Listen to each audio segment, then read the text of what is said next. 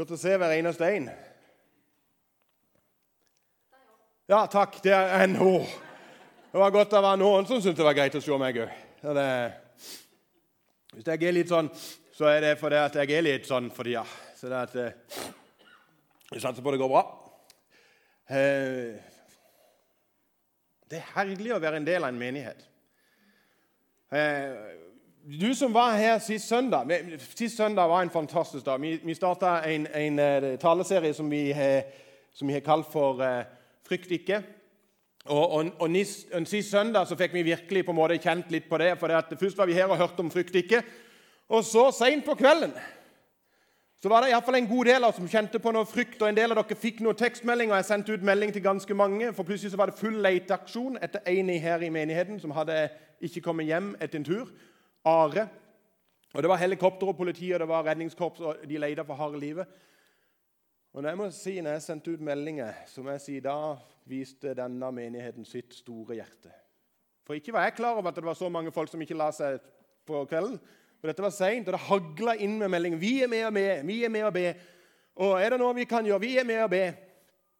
Og jeg må si at eh, Lettelsen var stor når meldinga kom at eh, de hadde funnet Are i eh, forholdsvis god behold. Og Grunnen til å jeg nevner dette her er fordi at jeg skulle hilse masse masse fra Are og Helene og si tusen hjertelig takk for all forbønn og oppmuntringer, tekstmeldinger. Og Are er på stigende kurve. Han har kommet hjem alene da på sykehuset, men nå er han eh, kommet hjem, og det, det går rette veien. Som Helene sa, nå begynner Are å bli sitt gamle jeg. Og da vet vi at det er ikke dumt, for det er en gledesspreder av dimensjoner. At, eh, men det der med å frykte ikke, det, det fikk en plutselig kjent litt sånn Oi, sånn er det kanskje det er. Eh, og Vi skal fortsette der. Og Vi holder som sagt på å lese noen tekster som er litt sånn Ha! Jeg hører jo litt mer hjemme i juletida og så leser om engler som kommer. og Sist så hørte vi om engelen Gabriel som kom til Maria. og Når engelen kommer, så sier han 'frykt ikke'. Og Så skal vi eh, lese noen eh, vers i dag eh, som, som eh, er i, i, samme gata, og som eh, der vi skal skal bare stille nå på noe høreapparat som er litt sånn. sånn eh, som er fra juletida, eller det vi kaller for jul. Det var ikke akkurat juletid når disse tingene skjedde. Og Vi skal lese noe fra Matteus der det òg kom en engel som besøker en som heter Josef. Og vi skal lese ifra, Hvis du har med deg Bibelen, så kan du slå opp i Matteus, det første kapittelet. i Matteus, Kapittel 1 det er den første boka i Nytestamentet. Og Så skal vi lese noen interessante ting som skjer der. Eh, forresten, før, før jeg eh, leser det, kan jeg spørre dere et spørsmål? Og Nå må dere svare ærlig. Er det mange av dere her inne som er svært opptatt av hva andre mennesker mener og tenker om deg. Er, jeg må bare si, jeg heller hånda mi opp, opp, altså, Er dere opptatt av hva andre tenker om dere sjøl? Eh, vær nå ærlig, løft nå hånda, dere som mener det. Løft det høyt opp og stå for det. Dere, er du opptatt av hva andre mener om deg? Dere som ikke løfter hånda nå, dere har et problem. For dere er ikke ærlige. Og mange har vært innom en speil i dag. Alle var vi innom en speil på et eller annet tidspunkt, forhåpentligvis. Og Den eneste grunnen vi var forsiktige i den speilen, der, det var jo ikke for oss sjøl.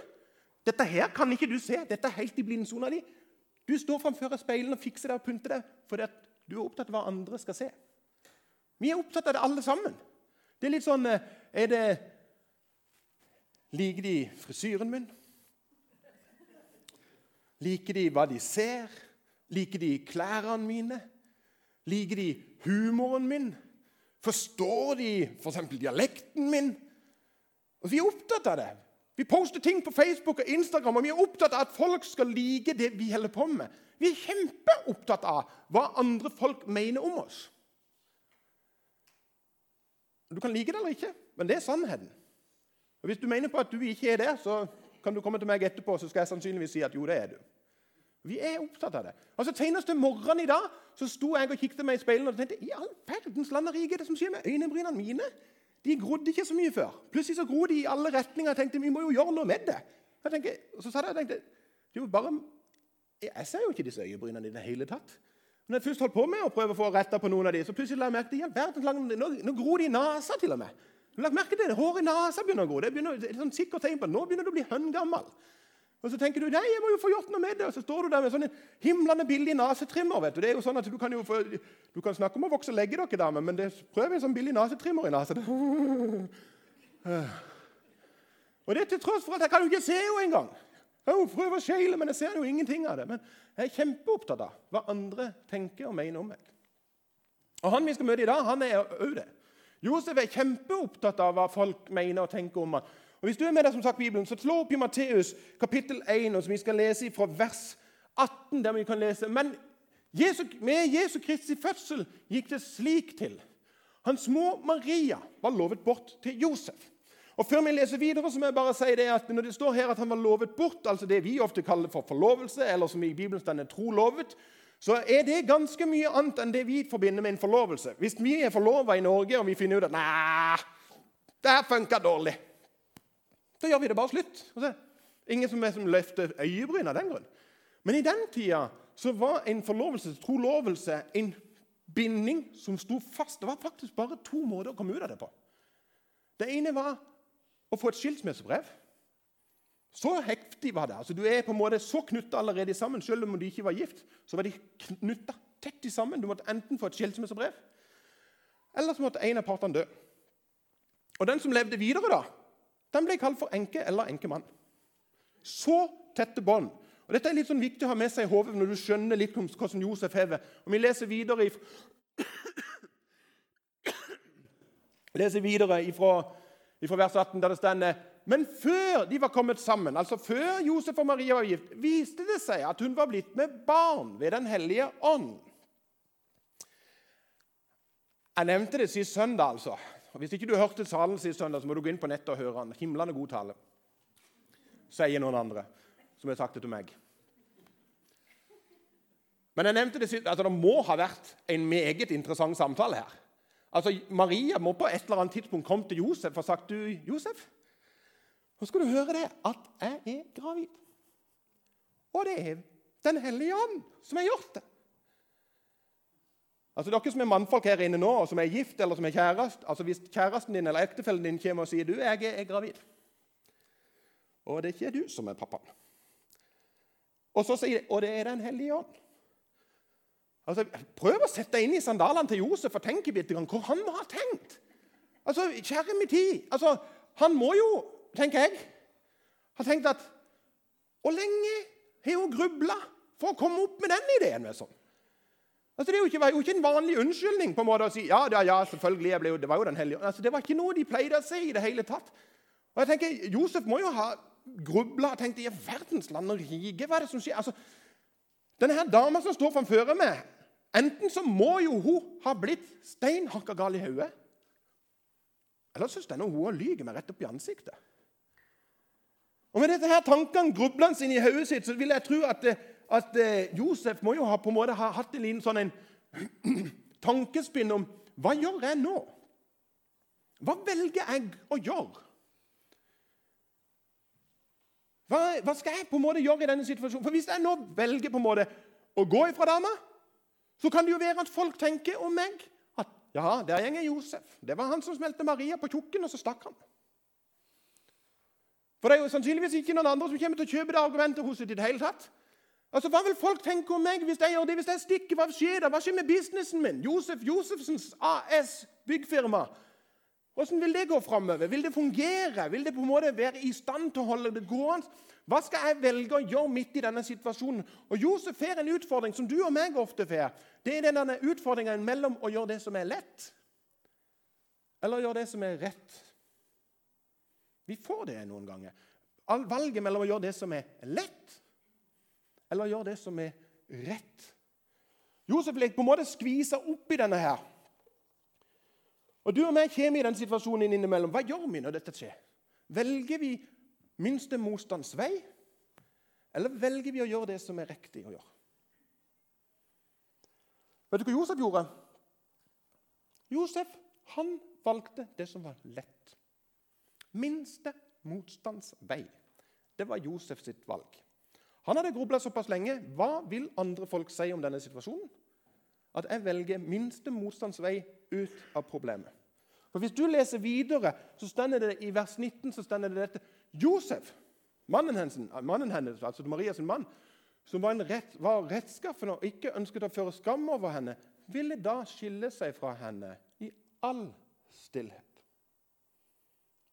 Hvis jeg bare gjenger forsiktig ut av dette, rygger ut, så kan det være at jeg kan klare å komme unna det uten at noen sier noen ting. Og jeg kan kanskje på en måte bare snike meg vekk og på en måte ikke på en måte la det bli eh, noe som påvirker noen ting i det hele tatt. Og nå er det noen i salen som tenker litt sånn Hva vil folk si om meg når jeg glemte å skru av mobiltelefonen? Det er den tanken som slår meg en gang inn når telefonen ringer. og litt sånne ting. Og så kjenner han en god kompis, så det er greit. Hva gjør en da i en sånn situasjon? Velger, Josef velger som sagt å bare gå. Stille, men sikkert ut. For han er glad i Maria. Greia var nemlig det at Han kunne lagd et rabalder. Han kunne fått henne ført inn i en setting der hun hadde blitt steina til døden pga. utroskap. Men Josef sier, er glad i henne og sier vet du noe, jeg velger bare å gå stille ut bak døra og la det bare bli med det. Det var Josefs plan. Men så opplever Josef noe og lærer noe av Gud som jeg tror vi skal lære noe av i dag. Og Hvis vi leser videre, så stender det dette. Men da han hadde bestemt seg for dette, altså bestemt seg for at jeg skal gå bare og velge den minst motstands vei, forlate alt i stillhet, viste en Herrens engel seg for ham i en drøm og sa, 'Josef, Davids sønn, vær ikke redd.' I en annen oversettelse står det, 'Frykt ikke'. Frykt ikke. For, eh, frykt ikke for å ta Maria hjem til deg som din kone. For barnet som er omfanget i henne, er av Den hellige ånd. Hun skal føde en sønn, og du skal gi ham navnet Jesus. For han skal frelse sitt folk fra deres synder. Han skal frelses deres folk fra deres synder. Altså, det må ha vært et kaos på innsida av Josef. Der har han gjort en bestemmelse. Jeg velger det som er enkelt. Så kommer Gud med sitt ord. Og ikke nok med at han kommer med sitt ord om at han skal være stokk med Maria, men han på en måte får beskjed om at du skal bli part i det du har hørt om hele ditt liv. Hele sitt liv så har Josef hørt om at en dag så kommer det en Messias, en frelser, en redningsmann, som skal redde folket. Og Plutselig så innser Josef og skjønner Josef at ikke nok med at dette skal skje, men jeg skal plutselig være en del av dette. Gud inviterer meg plutselig inn i en setting der jeg skal få lov til å være en del av noe større. Og jeg som hadde allerede gjort et valg, jeg hadde valgt å gjør det enkelt. Det er ikke sikkert det er det rette, men det er iallfall det enkle. Og Her tror jeg det er en veldig viktig ting å få med seg, og husk, og spesielt i den tida som vi lever i akkurat nå. Hør hva jeg sier. Lydighet til Guds ord og lydighet etter Guds vilje med oss kan noen ganger føre til at folk blir skuffa over oss. Jeg er nokså sikker på at det var en del som var skuffa over Josef. Hvordan i all verden Josef, kunne du finne på å få Maria gravid før dere gifter dere? Når vi velger noen ting, så hender det at folk blir skuffa over oss. Noen av dere kjenner til at jeg jobba som selger i mange år. Eh, en del år tilbake. Og når Gud plutselig kalte meg til å bli ungdomspastor, da var det ganske mye folk som ble skuffa. Jeg hadde en eh, god venn som var sjefen min. Han ble skuffa, for han hadde på en måte drømt at vi skulle dra businessen videre. Jeg hadde noen kunder som ble skuffa, for de hadde opplevd at de hadde fått et godt eh, servicetilbud for den måten jeg jobba på. Og En av kundene mine sa det rett ut. faktisk. Han kikket på meg når jeg sa det at jeg skulle slutte. så kikket han på meg, og Ikke minst når han hørte hva jeg skulle. Så bare kikket han dumt på meg og sa han, vet du noe? Det er den dårligste karrierevalget jeg noen gang har hørt om. Det er å dra det. Du kommer jo ikke noe videre på karrierestigen du, hvis du skal gå den veien der. Og Det var andre folk òg som var rimelig sånn skuffa over valget. Og jeg sto i den situasjonen at spørsmålet skal jeg velge det som er lett å gjøre. Dette kunne jeg. Eller skal jeg gå det som jeg tror Gud kaller meg til, og som jeg tror er det rette å gjøre? Et valg som vi stilles for hele tida, og som ofte fører til at det er noen rundt oss som risikerer å bli skuffa. Skal jeg gjøre det som Gud ønsker for mitt liv? Eller skal jeg gjøre det mennesker rundt meg, eller det jeg tror at mennesker rundt meg ønsker for mitt liv? Det er En pastor som en gang sa det veldig veldig bra, og dette er så djupt at du nesten bør notere det. og det er dette her. Om du er opptatt med hva andre syns om deg, så vil du fort glemme hva Gud tenker om deg eller sier om deg. Bare tenk deg hvor mange ganger vi er i en situasjon der vi føler oss mindreverdige, føler oss ikke gode nok, til tross for at Guds ord sier noe helt annet om oss. Og Spørsmålet blir da om ikke det er sant. dette. Om du er opptatt med det hva andre syns om deg, så vil du fort glemme hva Gud tenker eller sier om deg. Men vet du noe som er fantastisk? Det er at det motsatte er usant. Og det er dette. Om du blir opptatt av hva Gud sier om deg, så er det raskeste, det er den raskeste måten å glemme hva andre tenker om deg. Hvis du er opptatt av hva Gud sier om deg, hvis du tar inn over deg Guds sannheter Hvis du lar identiteten din være i Kristus, så vil det prege deg mer enn det som er rundt deg, og tale mye høyere. Jeg satt Senest i denne uka her og snakket med en psykolog, en venninne av meg som er psykolog. og Vi snakket om akkurat disse tingene her. Og så sier jeg det virker som den eldre generasjonen har en større Kristusidentitet enn den oppvoksende generasjonen av min generasjon. Og vet du hva jeg tror er grunnen? Det er en voksen generasjon som har latt Gudsordet prege dem så heftig at de hører mer hva Gud sier om dem, enn hva mennesker rundt dem sier. De er mer opptatt av hva Gud sier om dem i sine liv, og det å følge Guds veier enn å følge hva andre måtte si. Om du er mer opptatt av hva Gud sier om det, så er det den raskeste, raskeste måten å glemme hva andre tenker om og sier om deg.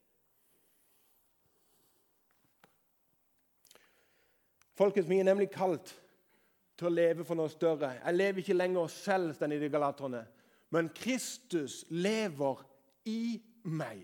Det livet jeg nå lever som menneske av kjøtt og blod, det lever jeg i troen på Guds sønn som elsker meg og ga seg selv for meg.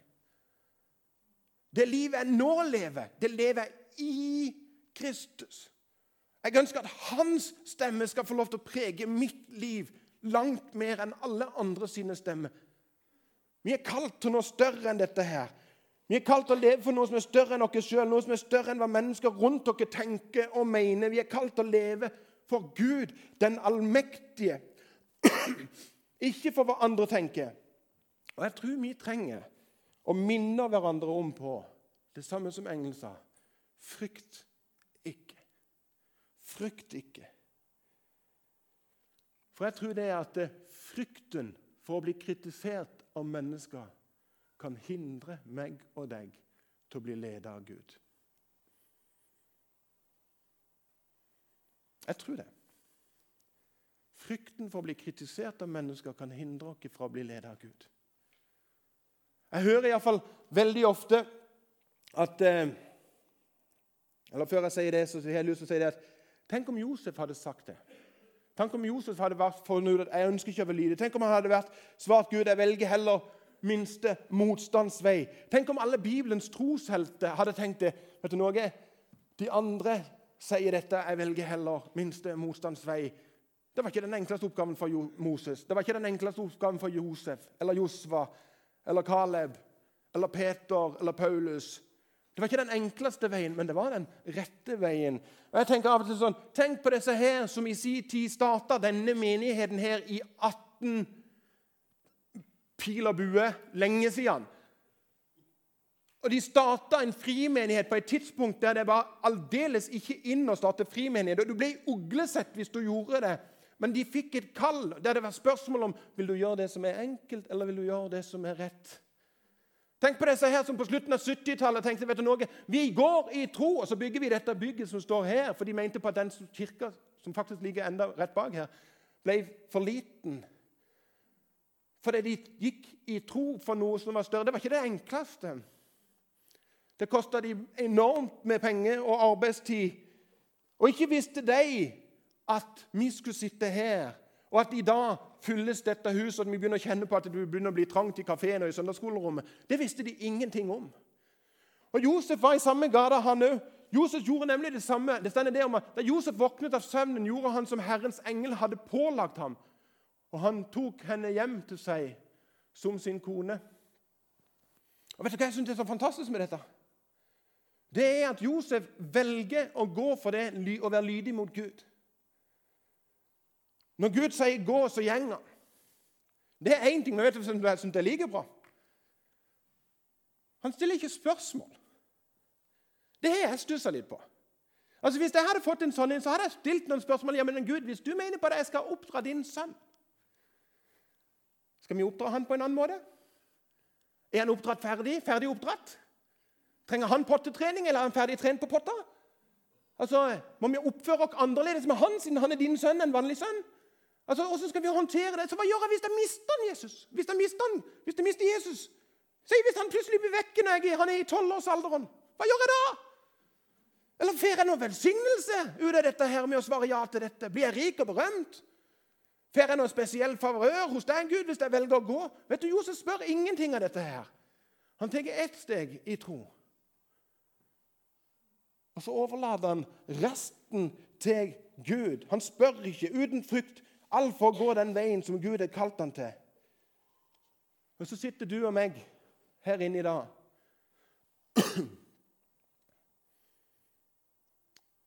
Og så lurer jeg på hva er det vi frykter? Hva hindrer oss fra å la Jesus få sin vilje med våre liv? Frykter vi hva andre mennesker rundt dere vil si om vi velger å gå med Gud, koste hva det koste vil? Eller er vi mest opptatt av hva andre mennesker sier? Jeg tror nemlig det. At det er utrolig mange kristne mennesker som har gått glipp av Jesus sine store, store velsignelser over sine liv pga. frykten for hva andre måtte si. De valgte den enkle måten istedenfor det som kanskje var rett. Og Jeg har ofte hørt det fra nyfrelste som sier det. Vet du noe? Det tok lang tid før jeg tørde å svare ja til Jesus. For jeg var så livredd for hva mine venner skulle si om meg. Hva må mine venner si hvis jeg begynner å bli en Jesus-disippel? Og så opplever jeg det blant oss som har gått med Jesus i mange år, at vi til stadighet i vår vanlige hverdag er redd for at oi, oi, oi. Hva vil andre folk si hvis jeg gjør dette? Bare tenk deg en helt enkel, helt enkel ting. Du har en del folk på besøk.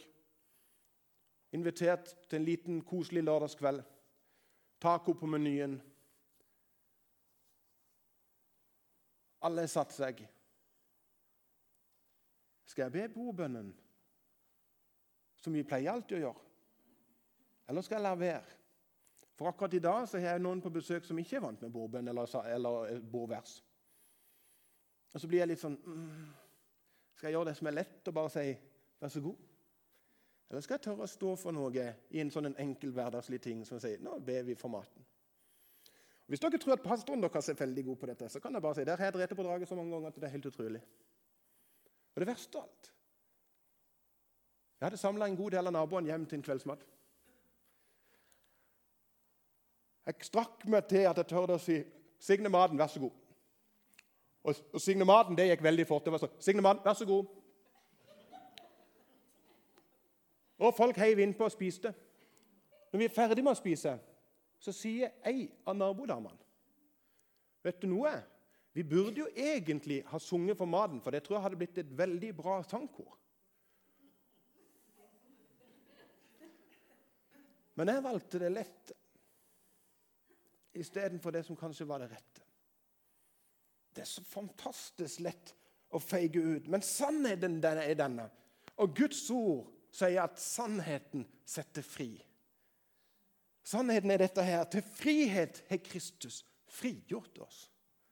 Til frihet har Kristus frigjort oss. Og I Romerne så står det dette Dere har ikke fått den ånd som slavene har, så dere igjen skulle være redde. Nei, dere har fått den ånd som gir rett til å være Guds barn. Den som gjør at vi roper 'Abba, far', 'Pappa, far'.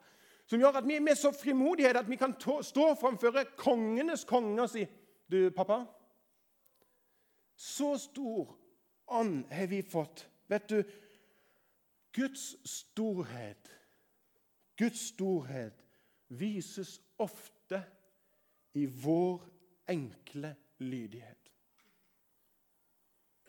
Det var godt sagt.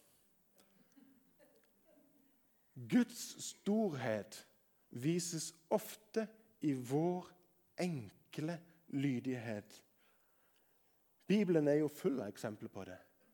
Moses som i all enkelhet begynte å gå, og Gud, Gud gjorde sin storhet. Josva var lydig, Gud gjorde sin storhet. Og så kan du ta de føre deg. Ruth og Lydia, Peter og Paulus. I en enkel lydighet og så viste Gud sin storhet. For hva er det det stender i andre kor, Rinterne 4-7? Men vi har denne skatten, altså Guds ånd, det er skatten, i et leirkar, altså en leirkrukke, altså et symbol på vår enkle liv, våre lite perfekte liv. Gud har alle spurt etter perfekte mennesker. Han har spurt om ekte mennesker som bare sier vet du noe, jeg får jo ikke til, men jeg velger å gå i lydighet. Men vi har fått denne skatten i leirkrukke for at den, for den veldige kraften skal være fra Gud og ikke fra oss sjøl. Men jeg har sett mange mennesker som pragner og som er store. Men mange av de som jeg har sett har strålt mest, det er disse her enkle, som er gått i lydighet. Og Så vil en av og til tenke at det var så lite. Men for de de gikk i lydighet til, så ble det en livsforvandlende sak. For de tørde å gå for det som Jesus kalte de til å gå. Og Gud ønsker å gjøre store ting gjennom våre enkle liv når vi tør å slippe frykten. Når vi tør å slippe tak i frykten og gå med det evangeliet som Gud har kalt oss til å gå med. Og gjøre det samme som Jesus gjorde, og rope ut til våre naboer, familie og venner. Jeg roper ut et nådens år ifra Herren, der fanger skal få frihet, stender det. Det er så mange mennesker i dag som er bundet i forskjellige ting. Der vi på en enkel måte kan få lov til å komme med evangeliet og si at evangeliet kan sette deg fri. Der det står at blinde skal få syn igjen. altså Mennesker som er for blinde for hva er det egentlig Gud holder på med. Der vi kan få lov til å komme med et enkelt evangelium og si vet du noe? Gud har gjort det for meg. Og så fikk jeg lov til å se noen større ting. Det er det enkle budskapet vi skal få lov til å gå med. Hva Jesus har gjort. Ikke hva jeg har gjort for noe. For hva det jeg sa helt til slutt i går, nei, sist søndag, som jeg skal avslutte med det, Vår oppgave er å være lydig. Og så er det Guds ansvar og stå for resultatet. Vår oppgave er å være lydig.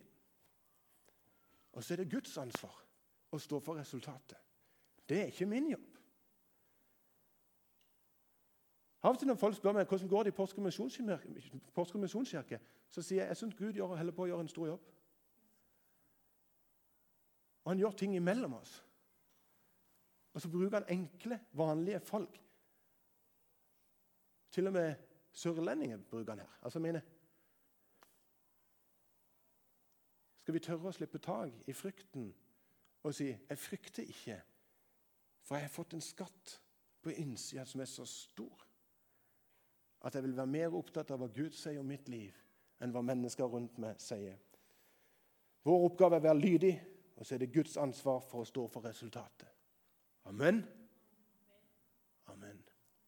Jesus, jeg takker deg for det at vi kan få lov til å slippe tak i alt som har med frykt å gjøre. Hjelp oss, Jesus, til å gjøre det. Hjelp oss til å ta ditt ord inn over våre liv og stole på at ditt ord er sannhet. Hjelp oss til å høre din stemme inn i våre liv. Du som har sagt at jeg har fredstanke for deg, ikke tanke til ulykke. Du som har sagt at du er med oss hver eneste dag. Du som har sagt at vi skal få lov til å erfare at du er med oss når livet går på en høyde. Men du har jo lovt at om vi så skulle vandre i dødsskyggens dal, og livet er på bånn, så er du med oss. Hjelp oss å ta sa dine sannheter inn i vårt liv. Hjelp oss til å leve et Kristus-sentrert liv. Hjelp oss til å ha vår fulle identitet i deg. Det ber jeg om i Jesu Kristi navn. Amen.